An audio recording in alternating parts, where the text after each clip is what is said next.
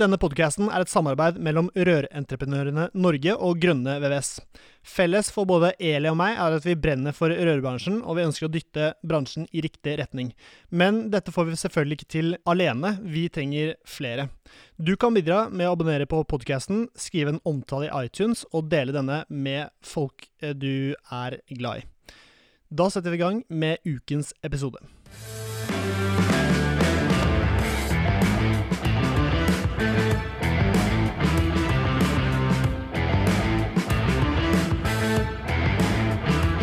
Hjertelig velkommen til ny episode av Bare Rør med Eli Hermine Heidal Eide og Severin Poppe Midteide. Jeg driver egen rørleggerbedrift, Grønne VVS, i Bærum, og Eli eh, ja, driver med sitt i Rør-Norge. I dag har vi en helt sinnssykt eh, ja, en rå eh, gjest i podden, og eh, jeg har nettopp hørt på en eh, pod med henne. Hun har utrolig mye godt på hjertet. Og jeg gleder meg å kunne dele eh, det hun har på hjertet, med våre lyttere. Um, ja. Uh, for det første, uh, Eli, hvordan har uken din vært? Har det skjedd noe spesielt? Den uken her har egentlig vært uh, Hvis jeg er siste uken, da, så har det handla mye om kvinner. Ja. Det liker du å høre om. Ja, jeg liker det. Ja, ja, så nei, Ingeborg Nettverk har hatt mentorsamling. Og forrige uke der igjen så hadde vi gullpartnersamling i vår. Så det skjer ting. Um, I tillegg til at vi selvfølgelig jobber med alt som har med rørentreprenørene og medlemsbedrifter å gjøre. Det vi skal snakke om i dag, det er ledelse. Um, Severin har sagt til meg at uh, du egentlig er veldig gira på å lære mer om ledelse.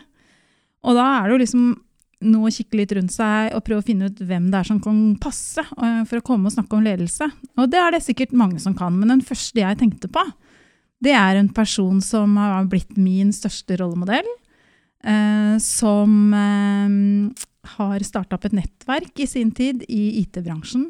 Sier dere IKT eller IT? IT. IT-bransjen, eh, som heter Oda-nettverket for eh, ja, det må jo begynne å bli 15-16 år siden. For å øke kvinneandelen der. Grunnen til at hun er her i dag, hun heter Anne Gretland og er administrerende direktør i Photoware, som hun helt sikkert kommer til å fortelle hva er om litt.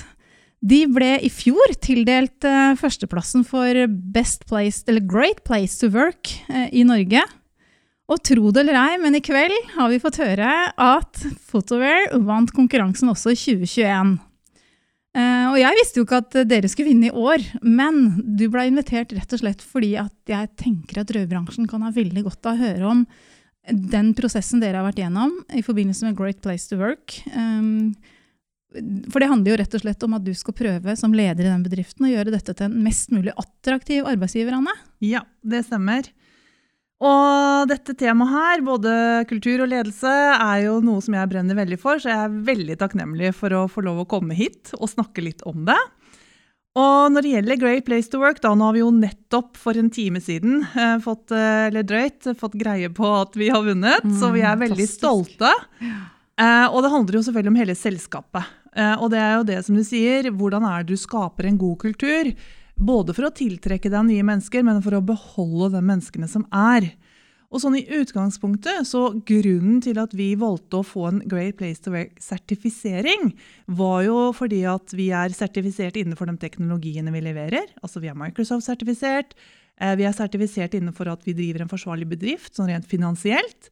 Og så tenkte vi nå vil vi ha et stempel på, eller vi vil sjekke om, om våre ansatte syns at dette er et bra sted å jobbe, og hva kan vi eventuelt gjøre for å forbedre det. Så vi kontaktet Great Place to Work for to år siden, og egentlig ville vi gjerne bare ha et sånt OK, her er det bra å jobbe. Hva skal vi gjøre Hva skal vi bli gjøre? Også, mm. også, og det som skjer da, er at man gjør en, en anonym internundersøkelse. Og så kom jo den tilbake med veldig gode tilbakemeldinger. De ansatte var fornøyde og hadde lagt inn kommentarer. Og så tenkte vi oi. Så, altså, det var, for det første ble vi veldig stolte og rørt. Mm. Og så tenkte vi ok, det hadde vært morsomt å, å sett hvor vi var eh, blant alle andre. da. Mm. Eh, og så blei vi med på den konkurransen, som jo, som jo, egentlig også gjør at vi da må vi lage også en, en sånn kulturhåndbok, som er nesten en slags masteroppgave. Hvordan gjør vi det egentlig hos oss? Hvordan er rekrutteringsrutinene, hvordan er onboardingrutinene? Sånn, vi beskriver at det vi gjør, det gjør vi, og at vi ikke bare finner på noe. Så egentlig så sier du at uh, Great Place to Work-sertifiseringen, sertifiseringen som jeg Mhm. forsto det var, Mhm. det er også nå en uh, liten og stor. Ja. Er det forskjellige sånn, nivåer, liksom? er det, det for, forskjell på konsern og en timannsbedrift? Ja, det, og det er det som også gjør det mulig tror jeg, for en liten bedrift som oss, da, Mhm. som er under 50 ansatte, å kunne være med. For det er under 50 ansatte, over 50 ansatte. eh, Det er fire forskjellige kategorier. Og så er det også de internasjonale bedriftene. De er i en egen kategori. Ja. Så de store. Ja. Så fordi det er klart, har du en HR-avdeling, har du en HR-sjef, så, mm. så er du litt mer profesjonell, kanskje. da. Um, så, så her, det, hvem som helst. Men eh, i rødbransjen så Severin, du er jo miljøfyrtårn-sertifisert, Ja, må stemmer. vite. Det var, det var akkurat det jeg tenkte på. Ja. eh, Fordi det er jo det, det dere ville, var jo kartlegge hvordan dere har det i bedriften. Og så endte det jo med å vinne. Det var jo bra.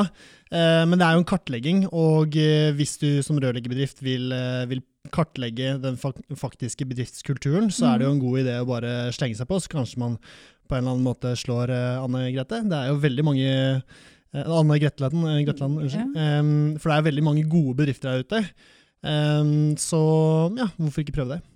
Ja, miljøfyrtårn, jeg vet ikke om du kjenner Jo, til det, da. jo. Men miljøfyrtårn er jo en måte å dokumentere at du driver med miljøarbeid. Og så er det jo Mm. ikke krav om at du skal være best i klassen når du begynner, du skal liksom tilfredsstille et minimumskrav. Mm. Og så tenker jeg, i det øyeblikket du tar kontakt da, med Great Place to Work, mm. eh, så er det vel en slags, en sånn, en slags sånn oppskrift på en prosess du skal igjennom. Ja, ja, ja. Og du får litt sånn eh, hvor, hvor ting må ligge og hva du må ha i orden og sånn. Ja, og du Mhm. kan få uh, veiledning hvis du vil, og du kan uh, kjøpe konsulenttimer hvis du vil, og du kan få bare en sånn enkel beskrivelse, for, for du kan, du kan ta den helt ut hvis du vil, mm. eller du kan bare kartlegge. Og det som jeg tror var en veldig positiv ekstrating som ikke vi tenkte på, det er at eh, den interne stoltheten rundt det vi har i vår kultur, da, den har bare vokst seg enda sterkere. Mm. Ikke sant? Sånn at eh, de ansatte, eller vi da, eller jeg, vi er jo i samme båt, Um, er veldig, da, da bygger det enda mer kultur. Mm. Eh, for vi, vi, vi syns eh, det vi har fått til er bra, da, selvfølgelig. Mm. Og så er det jo litt sånn um, Det med kultur er ganske no, For noen så virker kultur eh, litt sånn soft. Mm, At det er sånn damer. damegreier. ja, eller eh, ikke sant? hva er det kultur egentlig gjør? Og kulturen er jo der for at folk skal nummer én, føle seg trygge på jobb. Mhm. Å komme på jobb, kunne si og være den du er, uten at du skal bli latterliggjort eller mobbet eller på en eller annen måte blitt utestengt. Eh, kulturen er jo der også for å fremme vekst, selvfølgelig. Altså, vi er jo der for å drive business. Mm. Men det at folk kan komme på jobb, føle seg trygge, hva er det du er, og tenke ut fra boksen og føle at det er greit. Eh? For hva er det motsatte av god kultur? Jo, det er dårlig kultur, hvor, hvor du kommer med en, en crazy idé, og så blir du latterliggjort, eller du har en sjef som går bak ryggen din eller stjeler dine ideer. Ikke gir deg kred for det du ikke kommer sant? med. Ikke gir deg Mhm. kred. Så, så det at du eh, har en kultur hvor folk tenker ok, nei, nå, hvordan kan vi gjøre dette enda bedre? Hvordan kan vi gjøre kundene våre enda mer fornøyd? Hvordan kan vi vokse? Eh, hvordan er det vi skal gjøre dette? Og, og det er en av de tingene som jeg bare blir ordentlig stolt og rørt av fotover-gjengen. Det er den evnen til å bare prøve å, å aldri være fornøyd. Og, og si sånn, ja, hvordan, drive videre, ja. hvordan kan vi gjøre det enda bedre? Eller du, nå har jeg kommet på en lur idé. Kanskje vi skulle gjøre sånn? Ja! Ikke sant? Mm. Og bare la oss ta de ideene. Og noen går an å, å gjøre noe med, andre tar lengre tid.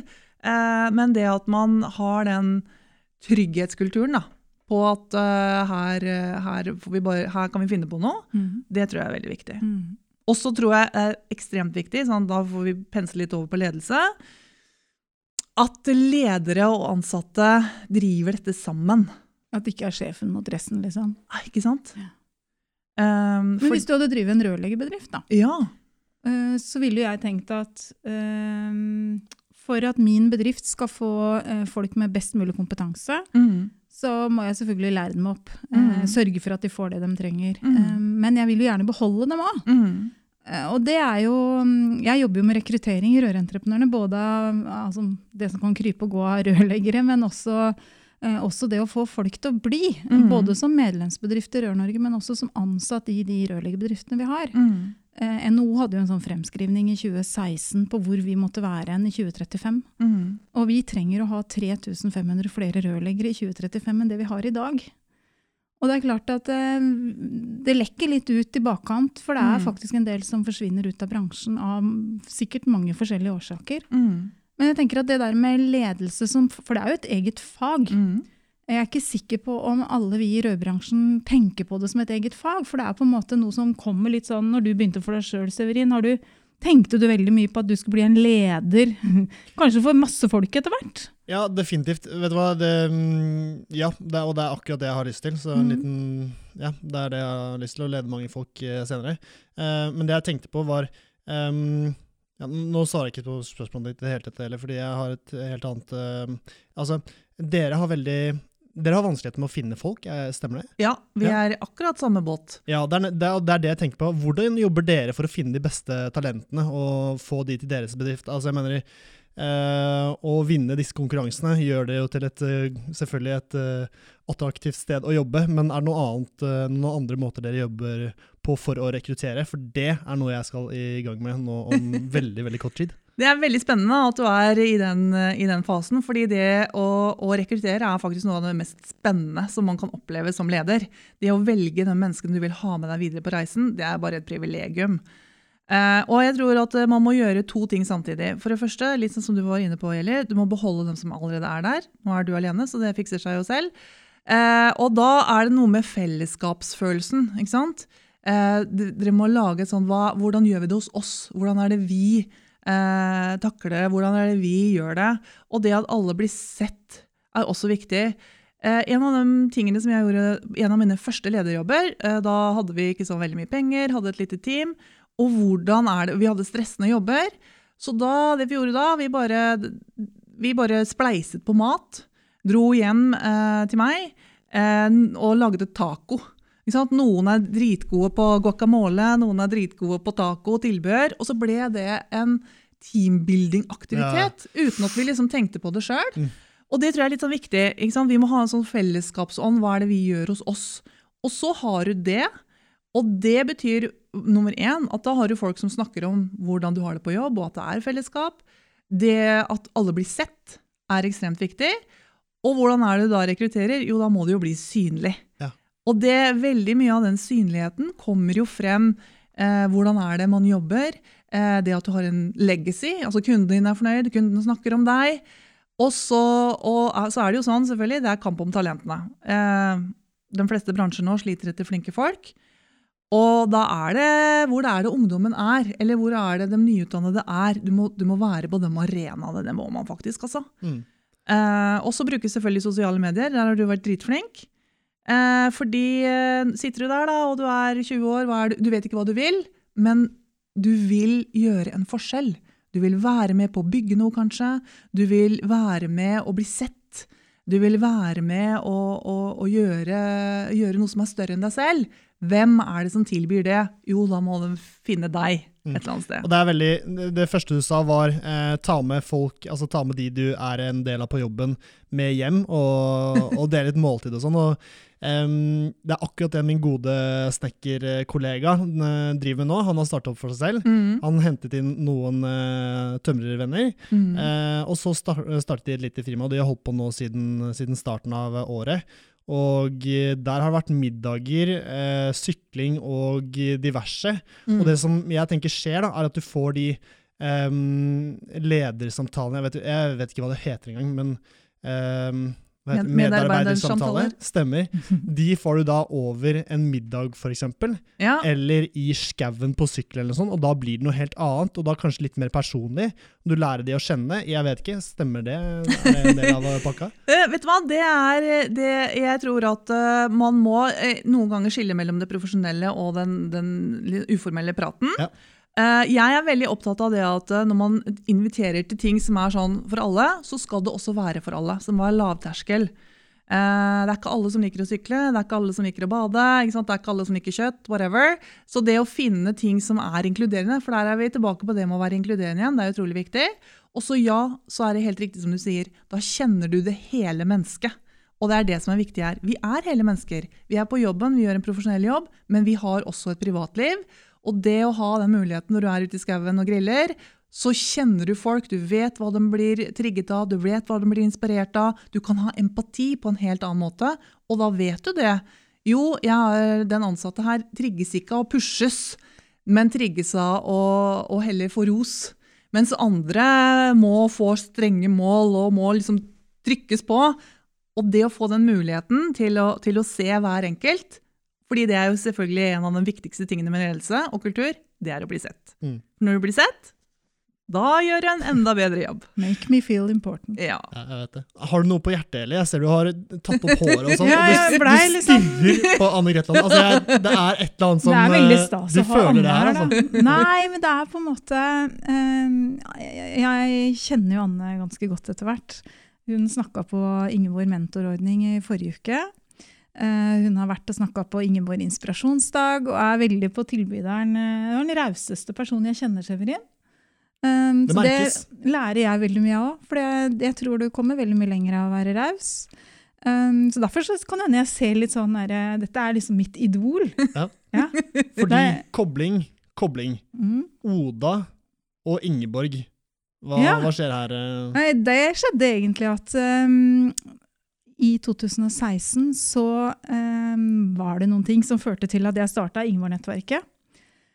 Og det eh, var inspirasjon fra det som heter Oda-nettverket i IT-bransjen. Jeg har ei veldig god venninne som var med og starta det sammen med Anne. Så det var vår felles bekjente. Ja. Vi ble kjent etter hun ikke var her lenger. Um, og da den første jeg ringte til når jeg starta Ingeborg-nettverket, som da vi, vi da ikke visste at skulle hete Ingeborg, det var bare et kvinnenettverk, det var Anne. Og så spurte jeg du, jeg har så lyst til å starte et nettverk i rødbransjen. Jeg lurte på, liksom, Går det an å få litt tips av deg? Nei, det kan vi dessverre ikke hjelpe til med, for det er så mange som ringer. Ja ja, sa jeg liksom, det var jo synd, men eh, nei, for du skjønner, jeg så deg her i forrige uke, og det, vi har jo en felles venninne, og det var Ragna, da. Å, kjenner du Ragna? Kjente du Ragna? Ja. Ja, men da skal jeg hjelpe deg.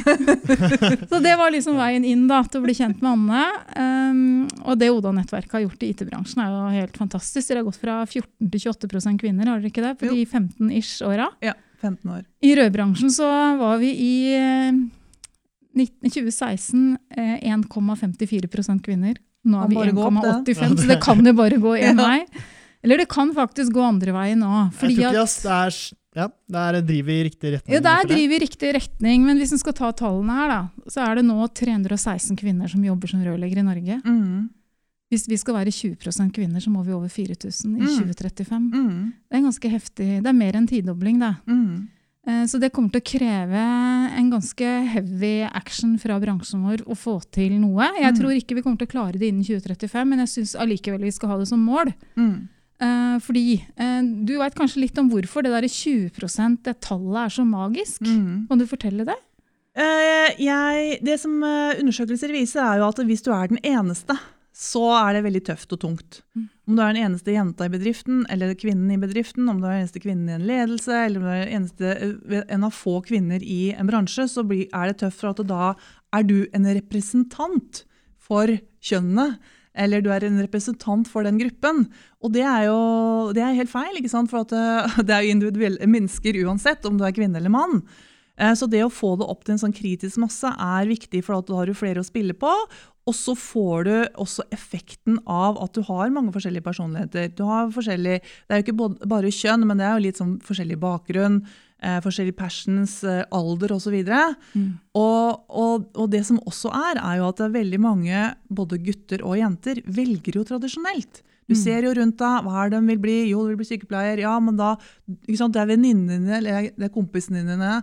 Du tenker ok, da studerer jeg det samme som dem. Mm. Fordi det går en utradisjonell vei, det, det blir litt tyngre. Det blir tungt. Mm. Og så er det noe med det um, å, å igjen være litt sånn komfortabel. For vi liker jo ikke å gå utenfor komfortsonen vår. Nei. Og når du er eh, ferdig med videregående eller du er, går på ungdomsskolen, hva er det du skal?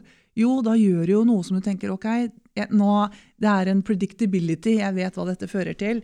Så jeg tror altså Det vi har gjort veldig mye i IT-bransjen, det er jo for det første å ehm, få tak i de unge jentene helt ned til 9-10-årsalderen. Få dem interessert i IT. For dere har det Lær kidsa koding? Ja, eh, ja Lær kids av koding er et annet veldig bra initiativ. Og Ja. det skal sies da, det at vi har fått eh, kvinneandelen opp, er jo veldig mange. Det er jo ikke bare Oda-nettverk, men men, veldig mange. begynte jo med? Oda. Ja, ikke sant?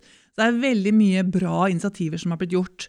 Men dette med Girl Tech Fest, som Oda dro i gang sammen med Deichmanske og flere andre, har jo gjort at jenter ble veldig sånn interessert. Og det kan jo alle gjøre. ikke sant? Du kan gå inn og du kan arrangere samlinger.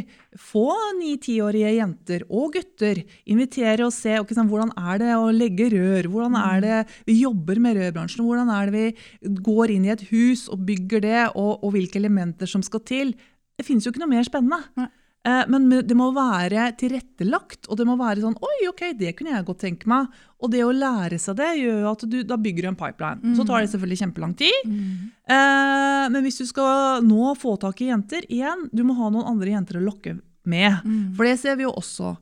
Eh, kvinner i IT-bransjen tradisjonelt søker seg jo til de bedriftene hvor det er alle andre kvinner allerede. Hvor du tenker ok, skal jeg være den eneste dama her? Vel, ok, sikkert kjempemange hyggelige kollegaer, men jeg må ha et jeg må ha noen likesinnede. Mm. Det, og det er jo liksom høna og egget, da. Eh? Hvordan skal du få tak i noen? Eh, jo, du må ha noen der fra før. Litt tricky, Mm. men eh, man må jobbe litt målrettet, og så må man jobbe langt forskjellige akser. Få noen unge jenter, eh, få tak i de ni-tiårige jentene og guttene. Eh, prøv å sant, gå inn i miljøer, inspirer. Vis dem hva man kan få til, og fortell hvor spennende den bransjen er. Mm. For det er veldig, Du ser jo det tradisjonelle.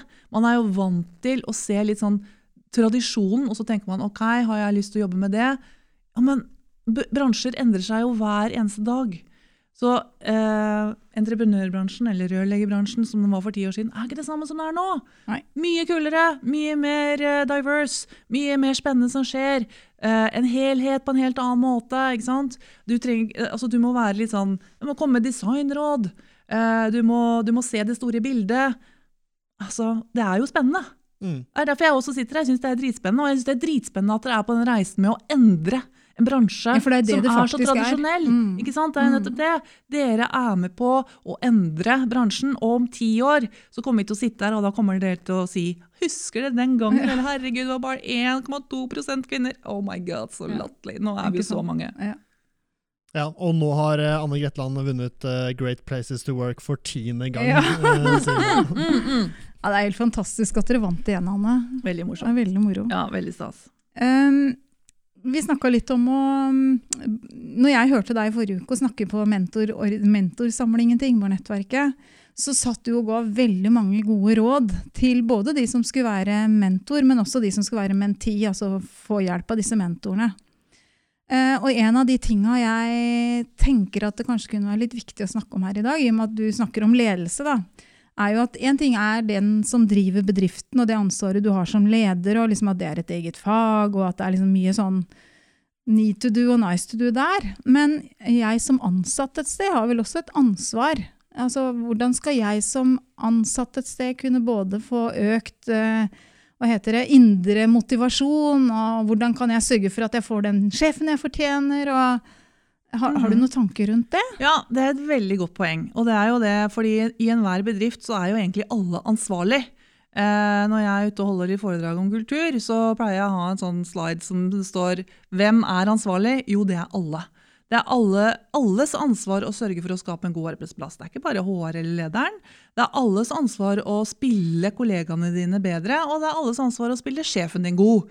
Eh, og vi I Microsoft jeg jobbet der i mange år, så hadde vi et ordtak som var litt, kanskje litt sånn cheesy amerikansk, men det heter 'make others great'. Og det handlet om det at du, du må gjøre kollegaene dine gode, du må ta tak. Og hvis du, hvis du, uh, vet, hvis du tenker at er, her må vi få det bedre på arbeidsplassen, eller vi burde ha gjort sånn, ja, da må du ta tak i det. Og så kan du gå til lederen din eller gå til en kollega og si hei, du burde vi ikke fikset litt opp her i kantina og kanskje spleise på en kaffetrakter eller I don't know. Eh, men da må du igjen ha en kultur som er åpen for det. For Da kan du ikke ha en sjef som sier sånn du, hei, du, jenta mi, gutten min, dette er ikke noe du trenger å bry deg med. Da må du også si ok, dritkult, bare ta, ta ansvar for det, du.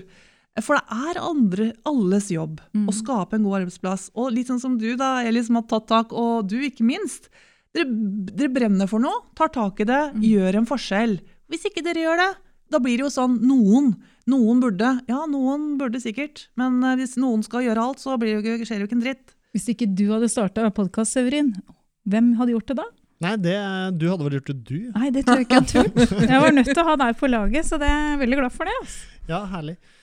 Um, ja, eh, så em, vi har jo da en haug av bedrifter her ute. Hva er de, har du, kunnet gitt tre enkle råd for hvordan de kan uh, tweake litt på, på kulturen sitt? Bare noe veldig grunnleggende? Mm. Ja. Uh, jeg pleier å det, det, En av de viktigste tingene er at du må se dine ansatte. Du må se dine ansatte. Det ble gjort en sånn undersøkelse i USA for mange mange år siden. Ehm, og da, uh, da hadde man em, undersøkt Det var sånne fabrikker, det var seks fabrikker. Uh, fem av de fabrikkene gikk bra. Den sjette gikk helt amazing bra. Så gikk man inn og så på uh, disse tingene, og hva var forskjellen. Og egentlig den eneste forskjellen var at sjefen på den ene fabrikken navn, kunne navnet på alle partnerne, eller husbands and wives, for alle som jobba der. Visste hvor mange barn de hadde, hva barna het. Visste hvem som hadde kommet inn på college. Altså, hun, så sine ansatte på en måte som gjorde at folk ble inspirert. Og når man blir sett, og når man blir hørt, så ønsker, da er man motivert. og Da ønsker man å gjøre en bedre jobb. Eh, og det handler også om hvis du skal få konstruktiv kritikk. ikke sant? Det å bli sett, uansett, det spiller en rolle. Det er ekstremt viktig. Ikke tro at for å være leder at du har kommet opp på et nivå hvor nå trenger du ikke å engasjere deg lenger. Det må du. Det ville aldri vært viktigere å engasjere seg, egentlig. Helt riktig. Du, du må vite. Må vite situasjonen til hver enkelt ansatt. De sier jo at han Ivar Kamprad, eh, som Ja. var sjefen på Ikea, Ja. det var ikke så veldig mye om å gjøre at han kunne navnet på alle som Ja. jobba på ethvert lager i hele Ikea, til de var blitt ganske så verdensomspennende. Det er akkurat det. Og så kan det være små ting som å eh, gjenkjenne at folk eh, fyller et, et rundt år, f.eks. Sende en blomst, da. Sende en blomst, mm. eller, eller hva det måtte være. De små tingene. Og så var du litt inne på det i stad. Jeg tror dette her med raushet um, Hvis du noen gang er i tvil, uh, vær raus. Uh, hvis du noen gang uh, sant, gjør noe eller er i en twist, vær raus. Jeg hadde en ansatt en gang som vi hadde gjort noe feil med utbetalingen av per, pappapermisjonspenger. Eh, og så skulle vi ha møte om det, hadde, og så sa han sånn Ja, nå har jeg forberedt en lang greie og snakka med advokaten min, og jeg tror ikke at dere kan eh, jeg, at dere kan ta tilbake pengene. Så sa jeg nei, det har vi ikke tenkt til i det hele tatt. Vi har gjort en feil, det skal ikke gå utover deg. Mm. Og så, så ble han helt stille, så sa han nå hadde jeg egentlig sittet her og forberedt en lang tale, men det trenger jeg jo ikke. Ikke sant? Og han var jo super. ikke sant? Super. Det er bare sånne små ting. Og det høres kanskje trivielt ut, men vet du hva? det er de små tingene folk bryr seg om. Og så er det dette med fellesskapsfølelsen og team spirit. Og nå er ikke jeg noen stor fotballfan, det skal sies, men jeg har veldig sansen for fotball, eh, teamfølelsen, hvor hvis du skal vinne en kamp, så er det ikke bare heltene som er foran å skåre mål, som, som må lykkes. Det er dem som står i mål på sin side, de som passer på og spiller eh, eh, i bakgrunn eh, eller i forsvar.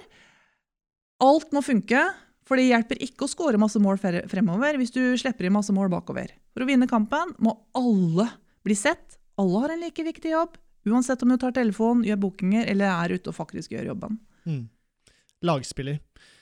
Ja, jeg er stor eh, fan av det. Og så kan jeg anbefale en bok som er veldig lettlest. Det er en av verdens Er det Fish? Ja, Ja. bra. ja Har du, du har lest den? Nei, men jeg hørte på poden din tidligere. Og grunnen til, jeg, grunnen til at jeg anbefaler den, er Hva heter den? Fish Bare Fish? Den heter Fish. Hvem har skrevet da? Det er tre karer. Jeg kan, jeg kan ta og sende deg litt informasjon. Og et bilde, så kan du legge link. Eh, for det første så er den kjempelettlest. Du leser den omtrent mens du sitter på do. Eh, litt avhengig av hvor lang tid det tar, men eh, sånn time to. Eh, den er veldig lettlest. Eh, den er veldig enkel, den kommer med konkrete råd, og den er skrevet som en historie. Sånn at eh, du, du følger en historie om en dame i Seattle som overtar et team, og hvordan eh, teamet sammen eh, bygger en kjempebra kultur. Og den, eh, den, eh, den er altså så bra. Den kan leses av ansatte, ledere, hvem som helst, og, og man blir så inspirert. Hvis du skal gi oss som bransje, da, hvis man skal tenke litt sånn overordna, Ja. noen gode råd i Ja. forhold til eh, både å beholde folk, men mm. også klare å rekruttere kvinner. Mm. Den, det, den kommer litt på sparken nå, da, Anne. Ja, men, eh, men eh, hvordan var det vi rekrutterte kvinner til IT-bransjen den gangen? Vi var, vi var, vi var ganske få. Altså når vi startet Oda Nettverk, det var i 2006. Um, ja, som sagt, det var 16% kvinneandel. Og da, det vi gjorde først og fremst, det var å skape en møteplass for de kvinnene som allerede fantes. Mm. Det har jo du gjort med, med Ingeborg-nettverket. Mm. Og så er det jo å um, utvikle dem videre, så de blir i bransjen. Mm. Og så uh, skape en møteplass for å tiltrekke flere. Mm. Og da gjennom arbeidsgiverne. For arbeidsgiverne har et kjempestort ansvar her. Man kan ikke overlate det eh, til Man kan ikke si sånn Å ja, ja. Ja, nei, men eh, kvinner, hvis ikke kvinner vil søke på rørbransjen, ja, da, da, er Sånn det var det fram til 2016. Ja, og Hvis det- det kommer noen kvinner, så er det veldig fint, husker Ja. jeg det ble sagt. Ja. Men vi kan ikke gjøre noe for å tilpasse oss kvinner. Nettopp. De får ta det de får. Nettopp. Og det er jo det vi har sett uh, i IT-bransjen. Vi tilpasser eh, språket, så det, så, så det appellerer både til kvinner og menn. Mm. Vi bruker bilder, så det appellerer både til kvinner og menn. Og spesielt i rekrutteringsøyemed, for vi vet at vi er unconsciously bias. Vi Hva vet det. betyr det? Det betyr at vi er ubevisst diskriminerende. Vi Ja. tror at vi, vi behandler folk likt, men det gjør vi ikke. Og, det, og da i rekrutteringsprosesser bør det være både en kvinne og en mann til stede i det intervjuet. Mhm. Du må ha spørsmålene klare på forhånd, for hvis det er en kar som du liker kjempegodt, og dere begynner å snakke om Manchester United eller fisking, så har dere det gående. Før du vet ordet av det, så har dere funnet tonen, så er han ansatt. Eh, men du skal jo ikke lete etter din neste beste venn. Du skal jo lete etter noen som kan gjøre jobben eh, best mulig, Mhm. og til og med noen som utfyller deg, som har noe du ikke har. Ja, for hva skal du egentlig med ti mennesker i en bedrift som er helt like? Da kunne du klart deg sjøl, da. Helt riktig. Mm. Helt riktig. Så du må tenke, du må, i hvert eneste ledd så må du tenke uh, at du, du, her må du tvike, her må du tenke. Uh, hvis du skal tiltrekke deg kvinner, så må du, må du kanskje ha en kvinne som leser gjennom annonsen. Da. Mm. Og der har jeg liksom dritt meg ut sjøl, altså. Mm. Som kvinne. Jeg har bare klina til og lagd, eh, en, lagd jobbannonser som er sånn som jeg kanskje ville, appell, ville appellert til. Mm. Men hvor- Du er jo ikke 25 lenger. Nei, det er nettopp det. Hva er det som appelleres, og hva er det du må få med? Og det som skjer nå, unge mennesker, som vi har om, de kan velge og vrake jobber, velge og vrake bransjer. Hva er det de er opptatt av? Jo, de er jo opptatt av bærekraft, de er opptatt av fremtiden, de er opptatt av å være et sted hvor det er bra å være, de er opptatt av å være et sted hvor det er fleksibilitet, de er opptatt av å være et sted hvor det er eh, ikke sånn gammeldags, kanskje. Og da må man jo få frem det, da. Mm. Eh? At det tilbyr vi i vår bransje. Mm. Og, og være til stede der hvor uh, unge mennesker er. Og så tror jeg det er veldig viktig å bruke media og få frem historiene. Der har du, dere vært veldig flinke, Eli. Ja, vi jobber med. Men jeg tror Det eh, er det er ikke alle som eh, leser bygg.no. Eh, så man er nødt til å få det ut. ikke sant? I, i, I de mediene der hvor andre eh, er. mm. Eh, og så få frem hvor fantastisk spennende det er å jobbe i denne bransjen. For det er det. Ja, Absolutt. Eli, noe du vil legge til eh, helt på tampen? Nei, jeg håper jo at eh, jeg skal få lov å fortsette å samarbeide med Anne og lære. For jeg lærer jo noe hver gang jeg møter Anne. Mm. Uh, og jeg syns det er litt gøy at andre i bransjen, som ikke er med i Ingeborg-nettverket også, får litt, en liten smakebit av deg, Anne. Mm, jeg syns det her er så spennende. Jeg syns dere er så flinke. Og jeg er bare så glad for å få lov å bidra på en bitte, bitte, bitte, bitte, bitte liten måte. Mm. Hvis jeg kan det. Herlig. Tusen takk. Dere kan fortsette å prate. Vi må avslutte på den nå. Eh, Anne Gretland, tusen, tusen hjertelig takk for at du tok deg tiden. Det var superkult. Eh, Eli, takk for at du kom i dag. Bare hyggelig. Eh, dette har vært en utrolig god sending, syns jeg. Eh, takk for alle som har sendt inn eh, spørsmål og eh, ja, engasjerer seg i poden. Det er dritgøy å følge med og prøve å eh, speile det som kommer inn, og få det frem i poden. Så tusen takk for det. Uh, jeg håper alle har en fortsatt strålende dag, uh, kveld, morgen, hva enn det er. Uh, vi prates om en uke. Hold så lenge.